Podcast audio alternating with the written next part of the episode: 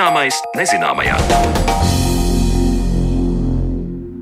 Esiet sveicināti raidījumā Zināmais nezināmajā ar jums kopā Sandra Kropa. Te jūs sprādzienu veidā pēdējo pāris gadu laikā Latvijā uziet pilskalni, mūsu senču apmetnes un nocietinājumi, kuros ar vienu ir atrodama daudz jauna un pārsteidzoša. Ko šie pilskalni stāsta par dzīvi Latvijas teritorijā senatnē un kā tie atklāti, par to šodien sīkāk runāsim raidījuma otrajā daļā. Bet līdz tam vēl kāds ar arheoloģiju saistīts stāsts par to, kā purvā var saglabāties simts un vairāk gadu senas vēstures liecības. Zāļu pudelītes, apavu fragmenti, auduma vīkšķis, ieroču tīrīšanai šādi arheoloģiskie materiāli tika atrasti Olainē, vietā, kur notika cīņas Pirmā pasaules karā. Mana kolēģe Zana Lācis, turpinot pirms kāda laika šajā raidījuma ciklā aizsākto ceļojumu pa Pirmā pasaules kara vēstures izziņas maršrutu Olainē, iepazina purvā atrastos priekšmetus, kā arī tur rekonstruēto zemnīcu. 1915. gada rudenī Krievu armija atkāpās no Jelgavas un Olainas pusē sāka celt nocietinājumus.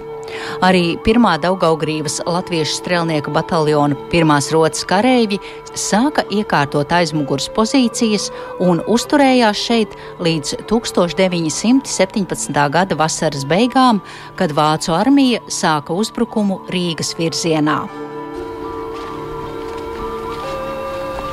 Un ejot uz zemnīcu, mēs redzam tādas apaļas bedres, kas ir uh, piepildītas ar ūdeni, un blakus ir burtiņš A. Arī tie ir apskates objekti, tie ir artērijas šāviņa eksplozijas rezultātā radīts bedres. Ņemot vērā to, ka īpaši intensīva apšaude bija 17. gada augusta pašās beigās, kad vācieši veica lielu uzbrukumu uz Rīgu, gan pie mazās juglas, kas bija īstais uzbrukums, un šeit pie Olēnas bija demonstratīvais uzbrukums. Tad, protams, pirms katra uzbrukuma bija diezgan pamatīga artērijas apšaude. Jā, tā kā šai bedrē ir vairāk kā simts gadi. Tā stāsta Olainas vēstures un mākslas muzeja vecākais speciālists Māris Ribītskis, ar kuru jau pirms neilga laika šajā raidījumā satikāmies, kad devāmies pastaigā pa Pirmā pasaules kara vēstures izziņas maršrutu Olainē, bijušajā Lapsu mežā, kā to dēvēja kara laikā, tagad pilsētas parkā, kur tagad interesanti var apskatīt rekonstruētu blindāžu un zemnīcu. Bet pirms ejam iekšā zemnīcā, piestājam pie dzelzbetona vitrīnas, kas izveidota turpat parkā, un apskatēji tajā ir izlikti arheoloģiskajos izrakumos atrastie priekšmeti. Kā jau es minēju, šī purva vide saglabā organiku. Te jūs varat redzēt uh, apavu, āda, Jā, kas ir saglabājusies. zole. Un blakus esošās monētiņas, kā jūs redzat, ir diezgan tādā bēdīgā stāvoklī. Ja, kā jau minēju, lūk, apsūbējuši, metāls, jā. metāls, jā, metāls tomēr ir uh, krietni sliktākā stāvoklī. Un pagājušā gada atradums, lūk, šeit ir fragmenti no podziņa krāsnes. Atsevišķās uh, zemnīcās karavīri no blakus esošajām mājām bija izjaukuši krāsnes un, un podziņas atnesuši uz šejieni. Vai es pareizi saskatu, tur ir uzraksts Rīga? Tieši Jā, tā. kas tur ir? Fabrika. Ausekļu fabrika. Jā, mēs runājam par 19. gadsimtu. Arī kabatas nazīši, zīmulis un krams, kas bija viens no interesantākajiem atradumiem. Ja? Tad, tad vēl viens pierādījums, nu nebija jau katram sērkociņš. Izmantoja arī kramu uguns iegūšanai tajā laikā. Lai arī cik tas dīvaini neizklausītos, ja mēs dzirdam vārdu krams, mēs domājam Par, nu, par akmens. aizvēsturi. Jā. Ar šādām metodēm tika iegūta arī 20. gadsimta uguns. Arī te mēs varam redzēt artērijas šāviņu korpusu, dzelzceļa stiep griežamās šķēres, sapieru lāpstiņu un, protams, arī tekstīlijas. Tās, kas arī pateicoties purva videi, ir Jā, saglabājušās. gan kājauta fragments, gan uzpleču fragmentus, gan arī no šīneļa sagrieztas strēmelītes, kas ir sagatavots šauteņu tīrīšanai. Lupatiņas tādas, kuras uzrūlē virsū uz uh, tīrāmā kociņa, un ar to arī tīra šautenis. Un tie ir nāžas spāli, uz ko es skatos, ne? Jā, kabatas nazīša. Ar Kabatas koku spaliem. Jā, Jā, ar koku spāliem. Koku spāls pat saglabājies labāk nekā pats nazīts. Ir. Nu, tas ir pateicoties jā, šai purvainajai vidē.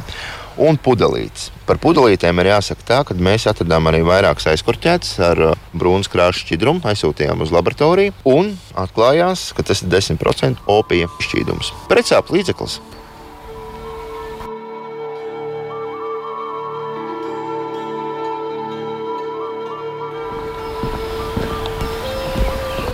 Tā un pienākam pie nākamās būves, ko iztālēm varētu noturēt par kādu tādu zālēm apaugušu auguriņu. Bet šī tad ir zemnīca. Jā, šī ir zemnīca. Kas ir daļēji vai pilnībā iedziļināta zemē būve. Konkrēti šī ir daļēji, jo pilnībā nebija iespējams iedziļināt, jo šeit atradās purvs un gruntsūdeņa līmenis bija diezgan augsts. Nu, jāsaka, tā, ka šī zemnīca arī atrodas tajā vietā, kur viņa ir bijusi pirms vairāk kā simts gadiem. Nu, arī materiāli ir izmantoti un nesošās konstrukcijas tāda paša izmēra ja, un lieluma, kādas viņas bijušas pirms simts gadiem. Arī lodziņš, kā arī jūs redzat, atrodas ieejas pusē, jo tajā pusē jau atradās fronte. Nu, un redzam, durvis, kas ir taisītas no tādām rupjām, biezām plankām, kas ir nu, tieši atbilstoši arī tāds, kā bija fotografijā. Jau veidojot arī šo projektu kopā ar arhitektu, tad, tad tika caurskatīts simtiem fotografijas. Ja, un pieliekot klāt izrakumos iegūto informāciju, arī tapa šāda veida projekts. Un, kā jūs redzat, arī šeit ir izmantots atrastās būvkonstrukcijas metāla elementi, skavas. Kas satur kopā divus uh, bāļus. Tieši tā. Un Es saprotu, ka logu rūtojums bija toreiz arī stikls. Jā, mm -hmm. stikls tika iegūts no apkārtnē esošajām mājām. Un, protams, ka tajā laikā jau nu, negaidīja neviens atļaujas neprasīja. Mēs no atmiņām zinām to, ka arī Jūrmalā, vasarnīcās, ja strēlnieki bija novietoti arī tur arī diezgan daudz labas mēbeles tika vienkārši sadedzināts ugunskurā, tādēļ, ka bija nepieciešams siltums. Tā kā tajā laikā, kā jau es minēju, pielāgoja visu, kas bija pieejams. Arī ķieģeļi, kas tika atrasti un, un lāviņu novietojums ir tāds, kā ir. Un tā ir šaujamlūka. Ne tikai uh, zemnīca, bet arī zemnīca kā ugunspunkts tika izmantots. Jo priekšā esošais ceļš gadījumā, ja notiktu iebrukums un tiktu pārauga pirmā aizsardzības līnija, tad šī zemnīca vēl arī kalpotu kā atsevišķs aizsardzības punkts šajā lielajā nocietinājuma sistēmā. Tas galds netraucēja šaut, ja tieši tur bija ērti, tur varēja atbalstīt. Uz šī galda atradās ložmetējs. Jā, tas ir galds ložmetējiem. Tā kā arī šeit jūs redzat, ir būvkonstrukcijas elementi, kas ir arī iegūti arheoloģiskā izrakuma laikā, kas ir pielikti tur, kur viņiem arī ir jābūt. Un atkal tas viss ir veidots no bērna apaļkokiem. Jā, purvs tātad no pieejamā materiāla. Mm -hmm. Arī strēlnieku atmiņās par šo vietu, ja tad ir lasāms, ka šis bijis diezgan plašs purvs ar krūmiem un nelieliem bērziņiem un sīkām kroplām priedītēm. Vēsturnieks Māris Ribickis teica, ka daudzus materiālus par tā laika notikumiem ir atrads gan periodikā, kur strēlnieki ir publicējuši savas atmiņas, gan arī Krievijas vēstures arhīvos pieejamajos kara žurnālos. Viņš diviem sanitāriem gulējis šādā paša izmērā zemnīcā, un naktis bijusi tik augsta, ka viņš ir cēlies augšā, skrējis apkārt zemnīcai, lasījis žagars pa apkārt, metis uz jumtu un lai vismaz uz piecām minūtēm šis siltums saglabātos. Un tā ir visu nakti, un briesmīga saušana rudenī esot bijusi.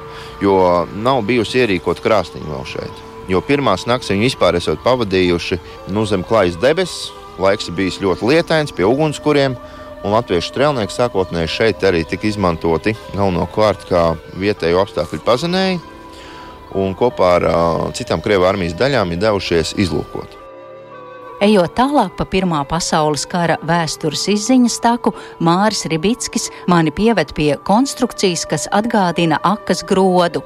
Tikai vienā pusē tas ir biezāks, un tajā ir ierīkota lūka.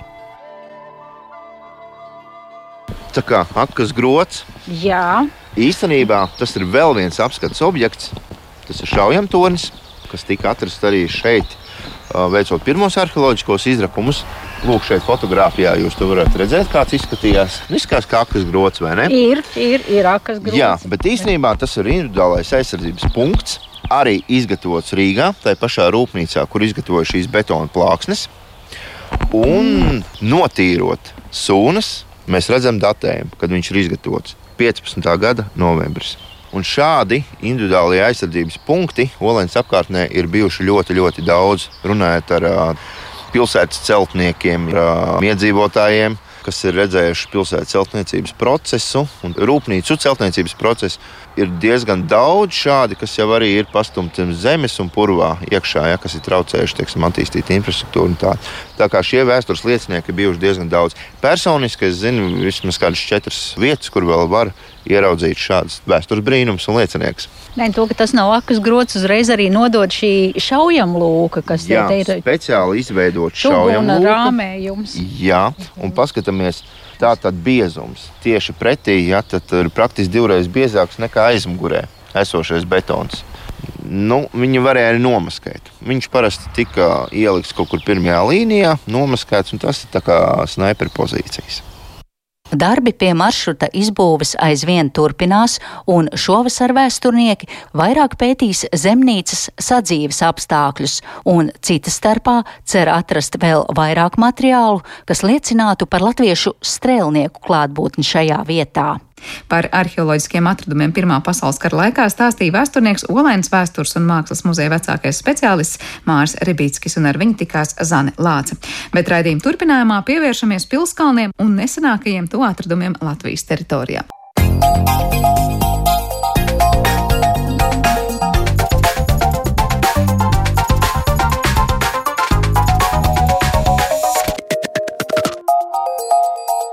Zināmais nezināmajā. Kas meklē, tas atrod. Tā varētu teikt par Latvijā esošo pilskalnu atradumiem. Pēdējā gada laikā atrasta vairāk nekā 42 jauni pilskalni, kas ir vairāk nekā atklāts kopš otrā pasaules kara.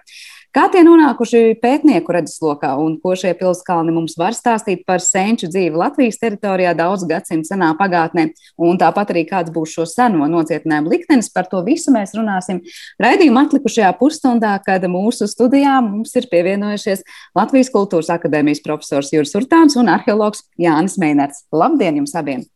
Labdien! Labdien! Uzreiz jūs palabotu, jo es skatos, cipars ir 49. Tas ir pēdējo nedēļu notikums. Nav 42, bet 49. Ja Tad paldies par labojumu. Tas nozīmē, ka tiešām skaitļi mainās ļoti ātri. Un pirms nedēļas vēl ir bijuši 42. Tas vienkārši pierāda to, par ko es gribēju jums jautāt jau pašā sākumā šīs sarunas. Kāpēc tik ātri un kāpēc tāds uzplaukums pilskalnu atklāšanā? Vai mums ir talkā nākušas kādas jaunas metodas, vai es nezinu, talkā ir nākuši palīgi pētniekiem? Kā jūs komentējat šo lielo skaitli? Uh, varbūt Jūras sākšu ar jums. Labi, lai tā būtu. Jā, pilnīgi pareizi. Atbildes uz abiem jautājumiem ir jā. Tātad tās ir gan jaunas metodas, gan jauna cilvēka iesaistīšanās, tāda, kas iepriekš varbūt nebija tik daudz iesaistīta šajā procesā. Jaunas metodas tā ir aerolāzera skanēšana. Un eh, tā materiāla publiska pieejamība. Mēs visi varam skatīties, tad skatīties uz zemes reljefa modeļiem, Un Rīgā var vienalga kaut kur pie sava kompjutera nu, lasīt, pārbaudīt, skatīties un tā. Un otrs par jauniem cilvēkiem, tātad ir vesela virkne cilvēkiem, kas varbūt nav arheologi, bet ļoti ieinteresēti mūsu senvēsturē, kas sēž pie datoriem, pārskata Latvijas teritoriju un ierauga vietas, aizdomīgas vietas, kuras nu, pēc tam ir jāpārbauda, vai arī varbūt uzreiz kādreiz noraidām. Un līdz ar to ir stipri daudz, stipri daudz informācijas, kas iepriekš nebija. Un pie tam izstāsta arī tā, vēl, ka šī informācija ir tāda, kas, kuru savādāk vairs mēs nedabūtu, jo vietējie ļaudis ir aizmirsuši par šīm vietām. Tātad jaunās tehnoloģijas un jauna cilvēka pieeja, tie parasti ir jauni cilvēki, kas arī ļoti patīkami. Un tādā veidā mums šī informācija, nu, varētu teikt, ir notic, noticis informatīvs sprādziens. Šī informācija ir ļoti daudz. Nu, kā jau tādā lielā informācijas apjomā, tur ir diezgan daudz arī trokšņa, bet tas nekas rezultāts, kā jūs dzirdējāt pašā sākumā, no cipariem nav slikts. Tas tiešām nav slikts, un tas gan ātri mainās. Tas nozīmē, ka arī tuvākās nedēļās mēs varam gaidīt atkal šo jauno pilskalnu, varbūt skaita pieaugumu. Bet, Jāni, varbūt jums kas piebilstāms pie tā, ko Juris tikko teica? Jā, nu, varētu tikai piebilst to, ka eh, jauna pilskalna atrašana eh, tiešām ir kaut kas īpašs, tik lielā skaitā, jo pilskalns ir nu, pēc būtības tāds eh, viens no labāk pamanāmajiem un arī atpazīstamajiem objekti, arheoloģiskiem objektiem. Tas ir kaut kas, tas ir tāda veida objekts, kas arī vēlākajos laikos ir bieži vien saistījies ar, ar, ar dažādām nozīmēm vietējiem cilvēkiem. Un, eh, nu, ja, ja domājam par kādiem salīdzinājumiem, tad, tad, piemēram, dabas jomā, ja mēs atrastu uh, kādu jaunu kukaiņu sugu vai putnu sugu, tā būtu viena lieta, bet, ja mēs atrastu jaunus zīdītājus tik lielā skaitā Latvijā, tad tas droši vien būtu kaut kas ārkārtējs. Nu, līdzīgi arī ar pilskalniem. Uh, bet jūs teicāt, nu, tas ir kaut kas ļoti pamanāms, varbūt grūti sajaucams. Tomēr es jautāšu tādam nespeciālistam, kā zināt, kas ir un kas nav pilskalns. Ar ko tas atšķiras varbūt no citām ainavām dabā, un kur būs tas nu, pilnīgi noteikti raksturīgais elements, kas uh, pat nespeciālistam liktu teikt, lūk, tagad jūs skatāties uz pilskalnu. Jā, nu, pilskalns Latvijā pēta jau vienus 200 un vairāk gadus. Un eh, tās pilskalnu pazīmes ir pietiekoši kristalizējušās. Mēs diezgan droši varam pateikt, nu, ne tikai Latvijā, tas pats arī Lietuvā, Igaunijā, Baltkrievijā, kaimiņu teritorijās. Tātad eh, nu, ļoti vienkārši pilskalns ir nocietināta senču dzīvesvieta. Vārdu senčus lietoju apzināti, jo pilskalnu pastāvēšanas laiks ir kaut kur divi ar pūli 2000 gadu. Tad no tiem laikiem, kad viņi parādās, tā ir nocietināta dzīves vieta, nocietināta vieta. Un, nu, Latvijas apstākļos nocietinājumi ir no koka. Tie, protams, 20, 30 gados iet bojā, jebkurā gadījumā sapūst sadaļa. Un te paliekās tas pamats, kas ir bijis zem tiem koku nocietinājumiem, kas būtībā laikam ir sekundāri tajā brīdī, kad tā pilsēta ir pastāvējusi. Bet mēs redzam tos reljefu pārveidojums. Un tie ir sekojoši, kas liecina par pilskalniem. Tātad viens ir pilskalna uh, malu stāvinājums, padarīt viņu nepieejamu. Malu stāvinājums kādreiz vai pat diezgan bieži to panāk ar terasēm, lai būtu ter, nu, terasētas stāvināts malas. Uh, Otrais ir, vai nākošais ir plakums. Tas ir tāds labs latviešu vārds, ko savā laikā Ernsts Brastiņš ir atradis un sāk lietot šobrīd. Mēs visi lietojam plakums pilskalna virsma, izlīdzināt, kur cilvēki var dzīvot, kur var būvēt savus mājas, nocietinājumus, vēl citu kaut ko. Trešais, kas ir tas laikam viss redzamākais, nu, ja neskaita terases, tad ir pilskalna nocietinājumi, grābi, vaļņi ieejas vieta, tie kādreiz var būt ļoti liela, kādreiz viņi ir knapi saredzami vai vispār nesaredzami, nu, no pusmetra metra līdz, nu, līdz 8, 9 metriem. Labi, mēs savos jaunatklājumos tik liels grāvs vaļņas jau vairs parasti neatrodam, lai gan arī mums ir kaut kas interesants. Un šie graudu vaļņi sajiet kopā, saslēdzās kopā, transformējās terasēs, nu, tad ieloko visu kalnu. Nu, pēdējā tā lielā pazīme, kas gan arī ir visu dzīvesvietu, seno dzīvesvietu pazīme, tas ir kultūras lānis. Nu, mūsu gadījumā mēs zinām, ka pilskalni beidz pastāvēt 13. un 14. gadsimtā. Tad, ja kultūras lānis ir līdz šim laikam, nu, tad tā ir viena no dzīvesvietu pazīmēm, arī pilskalnu pazīmēm. Nu, tad ir vesela virkne ar sekundārām pazīmēm, kuras kurus nu, var uzskaitīt, bet tās ir tās pašas par sevi vēl neliecina par pilskalnu. Nu, tas varbūt viss izplatītākais, ko mūsdienu cilvēks nu, gribētu teikt. Vieta ir ļoti izdevīga pilskalnam, bet šie teicieni parasti nāk no cilvēkiem, nevis parasti, bet vienmēr nāk no cilvēkiem, kas ir mūsdienu cilvēki. Mūsdienu cilvēki uzskata par to, kas ir izdevīga vieta, var ļoti krāsa atšķirties no uzskatiem, kas bija pirms tūkstošiem gadiem par ļoti pareizu vietu. Nu, tā. Jā, par šīm vietām noteikti es jums pajautāšu tūdaļ eh, sīkāk, kas ir savulaik bijis cilvēkiem izdevīga vieta un kas mūsdienu cilvēkam liekas izdevīga pilskalnam vieta. Bet Jānim droši vien ir kas piebilstams par to, kā pamanīt šos pilskalnus. Varbūt ir kādas pazīmes, kas noteikti par to liecina, bez tā, ko varbūt Juris jau piesauc. Nu, man jau šķiet, ka Juris minēja tās galvenās pazīmes. Um, tas, ko šeit vēl klāt varētu piebilst, uh, ir, ir tas, ka uh, tagad šie jaunie pilskalni, kas tiek atklāti entuziastiem studēt šīs līderkartes, ir tie pilskalni, kuriem ir izteikti šie reliefa pārveidojumi, kur, kurus arī liderā var pamanīt. Um, bet ir arī tādi pilskalni, kas droši vien pašlaik paslīd garām nemanīti, jo tie ir, teiksim, vēlākos laikos jau būtiski pārveidoti. Šie vaļņu grāvi var būt pilnībā noārti un palicis tikai šis kultūras slānis, un tad šādu kalnu, protams, līderi atpazīt nevar. Un ir arī tādi pilskalni, kuriem šie vāļi un grāvi varbūt vispār nav bijuši. Ir bijis tikai šīs stāvās nogāzes. Tāpēc līderis ir eh, tāds rīks, kas mums parāda šos tieši ļoti nocietinātos pilskalnus lielākoties, dažus varbūt mēs arī šādā veidā palaižam garām. Bet ir pamats domāt, jo senāks pilskalns, jo varbūt uh, tas kultūras lānis mazāk redzams un saskatāms, vai tie grāvi, ko jūs teicāt, varbūt vispār nemaz nav, jo, nu, laikam ejot, tie vienkārši liekas, ir varbūt tik ļoti asimilējušies. Uh, nē, tā noteikti teikt nevar. Tas ir atkarīgs no tā, kas ar šo te teritoriju ir noticis tālāk vēsturiskās attīstības gaitā. Ja šis pilskalns, piemēram, pēc tā izmantošanas beigām ir ieaudzis mežā, un tur nekas īpaši darīts nav, teiksim, lauksaimniecības zeme tur nekad nav bijusi, tad šie grāji var ļoti labi saglabāties un vaļņi arī, arī no visai seniem nocietinājumiem. Tas pats arī ar kultūras lāni. Arī pilskalns, kas, piemēram, būtu intensīvi apdzīvots līdz 14. gadsimtam, ja pēc tam viņš ir arī tikpat intensīvi vārds, nu, tad šis kultūras lānis var būt lielā mērā papostīts. Jā, es piekrītu Jānim, ka nav, nav tādas likumsakarības, jo vecāks, jo lielāks, vai jo vecāks, jo mazāks, vai jo jaunāks, jo kultūras plāns intensīvāks. Tā nav varbūt arī pilnīgi pretēji, ka ir nu, to kalnu, to pilsētu ir tik daudz, un, un, un tas laiks, kad viņi ir izmantot, arī ir ļoti ilgstošs, un tā viņa funkcija arī ir diezgan dažāda, kā mēs tagad saprotam. Nevar tā vienā, vienā viennozīmīgi nosaukt vienā virzienā, kas tur īsti ir bijis ar viņiem, un arī tas saglabāšanās apstākļi, no saglabāšanas apstākļi, kas ir, kā viņš aizgāja, atnāca līdz mūsdienām, arī tie ir ļoti atšķirīgi. Līdz ar to, līdz ar to nav, mēs jau gribētu, ka varētu tā vienkārši pateikt, jo vecāks ir nocietinājumi ir vājāk, ja jaunāks pilskāns ir nocietinājumi ir stiprāk, nu vizuāli ievērojami, jo vecāks ir kultūras slāņi ir vairāk, jo jaunāks kultūras slānis ir mazāk. Tā nav var būt pilnīgi otrādi. Un, un, un tā, ka, diemžēl tā nav likuma, tur mēs likumsakarības nu, vismaz šobrīd neredzam.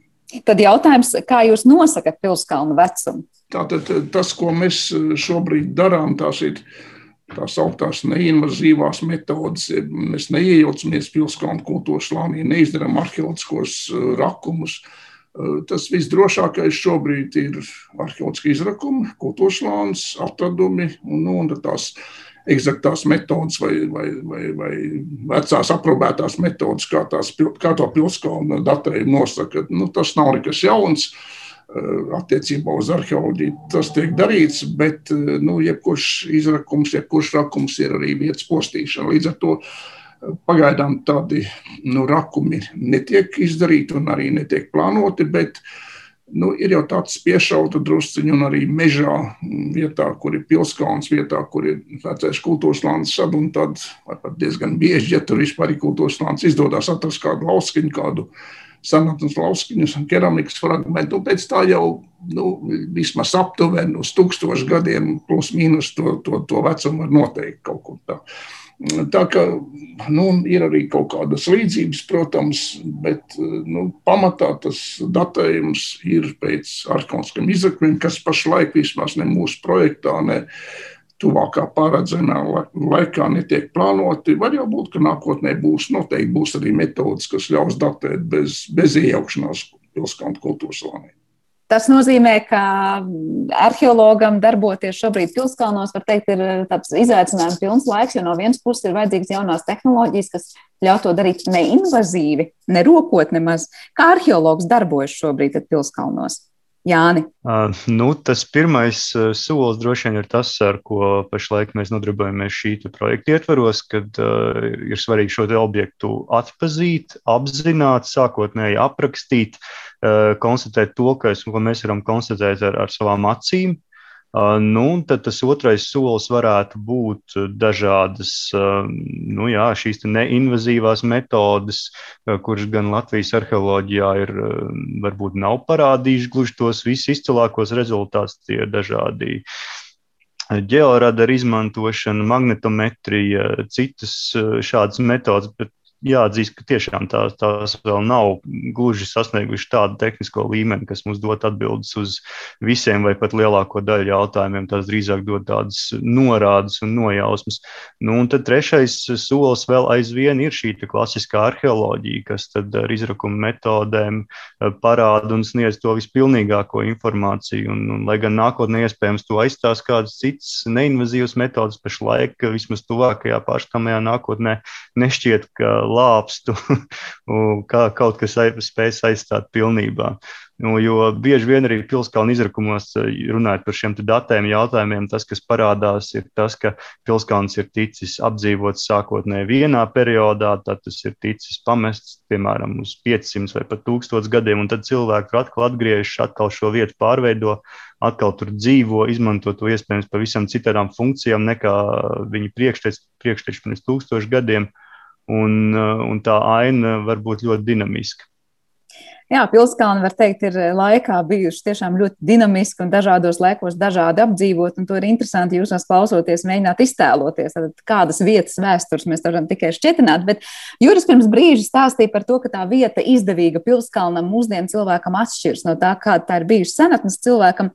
Varbūt ir iespējams pastāstīt nedaudz sīkāk, kas tad ir izdevīga vieta pilskalnam un kas mūsdienu cilvēkam atšķiras no tā, kā varbūt par to domāja cilvēki senatnē. Jautājums ir smags, daudz jāstāsta. Mēģināšu varbūt īsi ar kaut kādiem konkrētiem piemēriem. Nu, cilvēks agrākos laikos pamatā pārtiku ieguva no lauksaimniecības. Nu, ja mēs runājam par pilskalnu laikmetu, tas ir pilskalnu laikmets, ir pēcakmens laikmets, tas ir metāla laikmets, kad jau ir dominē lauksaimniecība, lokopība. Līdz ar to pilskalnu vietas, nu, ja cilvēki tur grib dzīvot, viņiem ir jābūt tuvu pie lauksaimniecības un lopkopības zemēm. Agrākie pilskalni ir tuvāk vai tādās vietās, kas ir vairāk derīgas lopkopībai. Tātad upju palienes, zālāji, pļavas, kur lopiņš var izganīt, kur var dabūt sienu. Vēlāk sākot dominēt vai pārsvaru gūstot lauksaimniecībai, tās ir lauksaimniecībā izmantojamās zemes. Nu, tad ir jautājums, cik tālu cilvēks var aiziet no pilskalna, lai viņš no rīta ar arklu uz muguras vai ar arklu pie zirga varētu aiziet apstādāt tīru un vakarā atgriezties. Nu, tā ir tā pilskalna aploce, lauksainicības pilskalna aploce, cik tālu tas pilskalns var būt. Redziet, šos, ja šos apsvērumus ņem vērā, tad mūsdienu cilvēks jau tā nedomā, cik tālu var no mājām aiziet ar arklu ratos un cik tālu tas varētu notikt. Nu, tad Mūsdienu cilvēkam liekas, ka nu, ūdens, ūdens tūmā, bet eh, senie pilskalni ar to ūdeni ir saistīti, bet pastarpināti. Tas nav tas, kā mēs iedomājamies, nu, ka ūdens ir tas sargājošais. Nu, ļoti konkrēti, ja mēs skatāmies uz jaunāku laiku pilskalniem, uz krustakara laiku pilskalniem, kas, protams, bija apdzīvotajā laikā, sirojumi pamatā notiekās, laupīšanas uzbrukumi pamatā notiekās ziemā.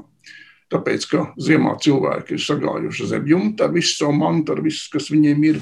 Viņi ir uz vietas, viņus var ielenkt, aplaupīt, nogalināt. Turpat uz vietas ir vasarā. Kāda problēma iemūts mežā ar visiem saviem lopiņiem un mantu un nu, noķert tevi. Līdz ar to nu, no tāda viedokļa ūdens ziemā ir pat traucējoši. Ja ūdens aizsalst, un nocietinājums ir brīvi pieejams. Nu, tas ūdens tur neder. Nu, mūsdienu cilvēkam liekas, ka ūdens apkārt tas ir kaut kas ļoti labi. Tā nav. Ūdens varbūt ir vajadzīgs priekš lopiņu dzirdināšanas, priekš pašu ūdens vajadzību, bet nekā nocietinājums. Tas jau ir vēlāk laika lietas, kad ūdens sāk parādīties, ūdens nozīme, nu, kanāli, grāvi ar ūdeni pildīt, nu, teiksim, Rīgas nocietinājumu. Vai, bet tas ir vēlāk, pilskā laikos tas nav. Nu, tas ir viens no piemēriem, kas strāda, ka mūsdienu cilvēku domāšana atšķirās no nu, tā laika cilvēku domāšanas. Vai nu, varbūt vēl viens piemērs, mēģinām skaidrot, bet līdz galam izskaidrojumu īsti nav. Augšzemē arī, arī Latvijā nereti ir tā, ka pilskalns ir pilskalns un blakus ir kāds kalns, kas ir augstāks, nu, 200 metru attālumā. Un tā liekas no mūsdienu cilvēku viedokļa, nu, pavisam nepareizi. Kā tad tā, nu, pilskalnam tā jābūt augstākajā vietā, un kāpēc blakus ir kāds kalns, nu, kas tur. Bet tā laika izpratnē, nu, varbūt tā var skaidrot, varbūt tā nav. Blakus kalns ļauj tam uzbrucējiem uzkāpt un apskatīties, ka tas pilskalns pils ir ļoti stipri un labāk uz viņu neiet. Jo nu, no militārā viedokļa tik tālu nodarīt neko nevar. Ieroči, metamie ieroči tik tālu teikt, nevelk. Kaut kāds manevrus īpaši tas neko nenozīmē. Nu, līdz, ar to, līdz ar to tas ir pat nu, interesanti, ka šāds kalns ir blakus. Nu, kādreiz viņš izmantots kā kā svētvieta, kā kulta kalns blakus, kādreiz iespējams arī kā soda vieta, vēl kaut kas. Tā ka, nu, tādas, lietas, nu, tādas lietas ir. Nu, es divus piemērus, bet ir jau arī. Tad, tad tiešām, nu, jo vairāk jūs zināt par pilskalniem, jo droši vien vairāk dažādu veidu piemērus jūs spētu mums sniegt. Bet man jautājums, kā tāda vienkāršā sabiedrības iesaiste var palīdzēt atklāt uh, pilskalns vai pateikt, man liekas, te ir kaut kas ainavā aizdomīgs, varbūt kāds var speciālists skatīties, ir vai nav šeit pilskalns, jo, nu, kā jūs tikko teicāt, tā izpratne var būt tik atšķirīga, un ja cilvēks nav speciālists, vai vispār mēs mākam ainavā ieraudzīt pilskalnu, potenciālo pilskalnu? Jā, nu droši vien, gan jā, gan nē. Jo mācoties un redzot un apbraukājot, un ir jau pašlaik mums daudzas interesu kopas, grupas, ir sevišķi šajā dīvainajā laikā, kas brauc, meklē, ierauga pilskalns, skatās un mācās un zina. Nu, ir cilvēki, jūsmīgi cilvēki, kas ierauga vietu un saka, tur jābūt pilskalnam. Nu, nekad to nevar tā ar svītu nogriezt. Te bija, te, te, tas, viss ir, tas viss ir kustībā, un, un viss, mēs jau runājam par tām pazīmēm. Un kādreiz ir arī tā, ka tas cilvēks nu, norāda, un arheologam liekas, ka nu, vismaz pa gabalu, ka ne, nu, domāju, datoru nozīmē pa gabalu, nekas tur nav. Aizbrauc, saprot, ka tu esi kļūdījies. Un, nu, tāds, tā situācijas ir stipri dažādas, un viss katrai vietai ir pat par sevi. Un varbūt tas pat arī ir tā interesanti, ja mēs runājam par nu, par seniem laikiem, par pilskalnu nozīmi, kad viņš bijis, kas tur. Bet ir jau vēl viena vēsture, kas notiekās ar pilskalnu pēc tam, kad viņš, kā tā pils ir pazudusi, kā tad viņš ietekmē cilvēku prātus, uzskats, kādreiz tai folklora nogrimusī pils, aplaktā manta. Mūsdienās tās ir nu, identitātes jautājumi, lokālā identitāte, Latvijas identitāte, nu, kas arī ļoti daudz ko nozīmē. Un šīs identitātes, šīs nozīmes mainās. Un, nu, arheoloģija kā dot to, to, to nosacīti. Nosacīt viennozīmīgo vērtējumu, lai gan tā arī nav dot to vērtējumu, bet cilvēku, cilvēku tā aura aplots jau to vietu padara nozīmīgi mūsdienās, un varbūt druskuļi atšķirīgi vai pat stipri atšķirīgi nekā, nekā pēdiņās gudrais arheologs domā. Jā, varbūt Jānis, kas piebilstams pie tikā minētā. Nu, jā, piebilstot pie tā, kur tad šos pilskalnus meklēt, tas, ko teica jau Juris, ir pilnīgi, pilnīgi pareizi. Šīs lauksaimniecība zemju tuvums ir, ir ļoti nozīmīgs un pat noteicošais faktors.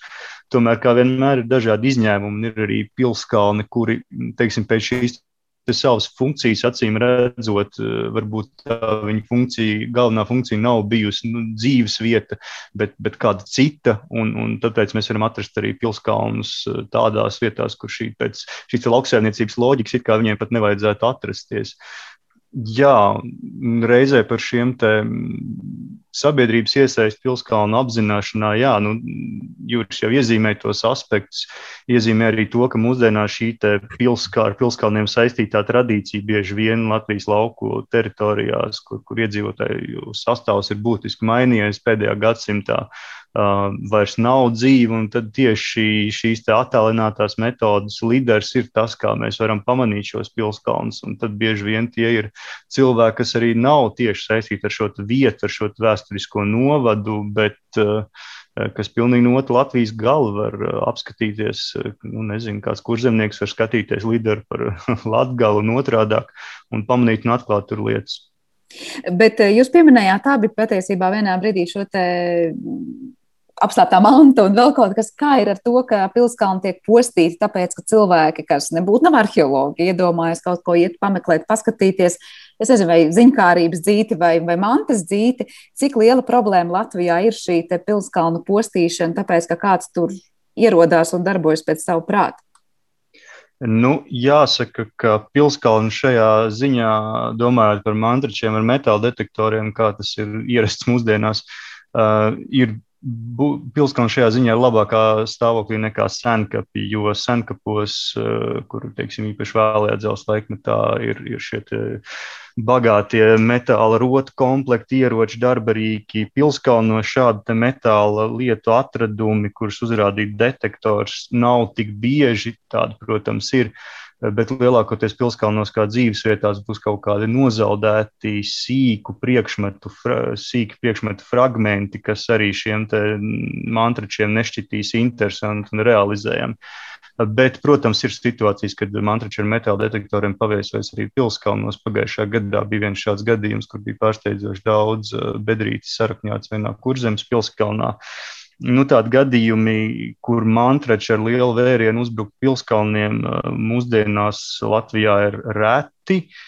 Turpat pat senākos laikos varbūt šie postījumi ir lielāki, kad dzīvāks bija dažādas leģendas un ticējumi par apslēpto mantu, kas tad ir jāiet izrakt kaut kādos noteiktos brīžos. Uh, bet arī Latvijā pirms 15 gadiem, 2005. gadā, bija šāds gadījums, kur Latvijā Dārgājas pusē Babraušķins pilskalns tika nu, pēc būtības arī pilnībā norakts ar buldozeru, vadoties no šādām leģendām par to, ka tur ir apslēpta uh, franču kara kasa ar zeltu, un, un, un tas viss, protams, beidzās ar, ar, ar kriminālu kriminālu lietu un, un, un arī vainīgo bēgšanu uz tuvējām, tuvējām valstīm, lai mhm. izvairītos no soda, bet no objekts tā rezultātā pēc būtības ir pilnībā iznīcināts. Un tas, protams, šķiet diezgan tā uh, dīvaini un neiedomājami, ka kāds 21. gadsimtā varētu noticēt šādām te, šādiem te stāstiem.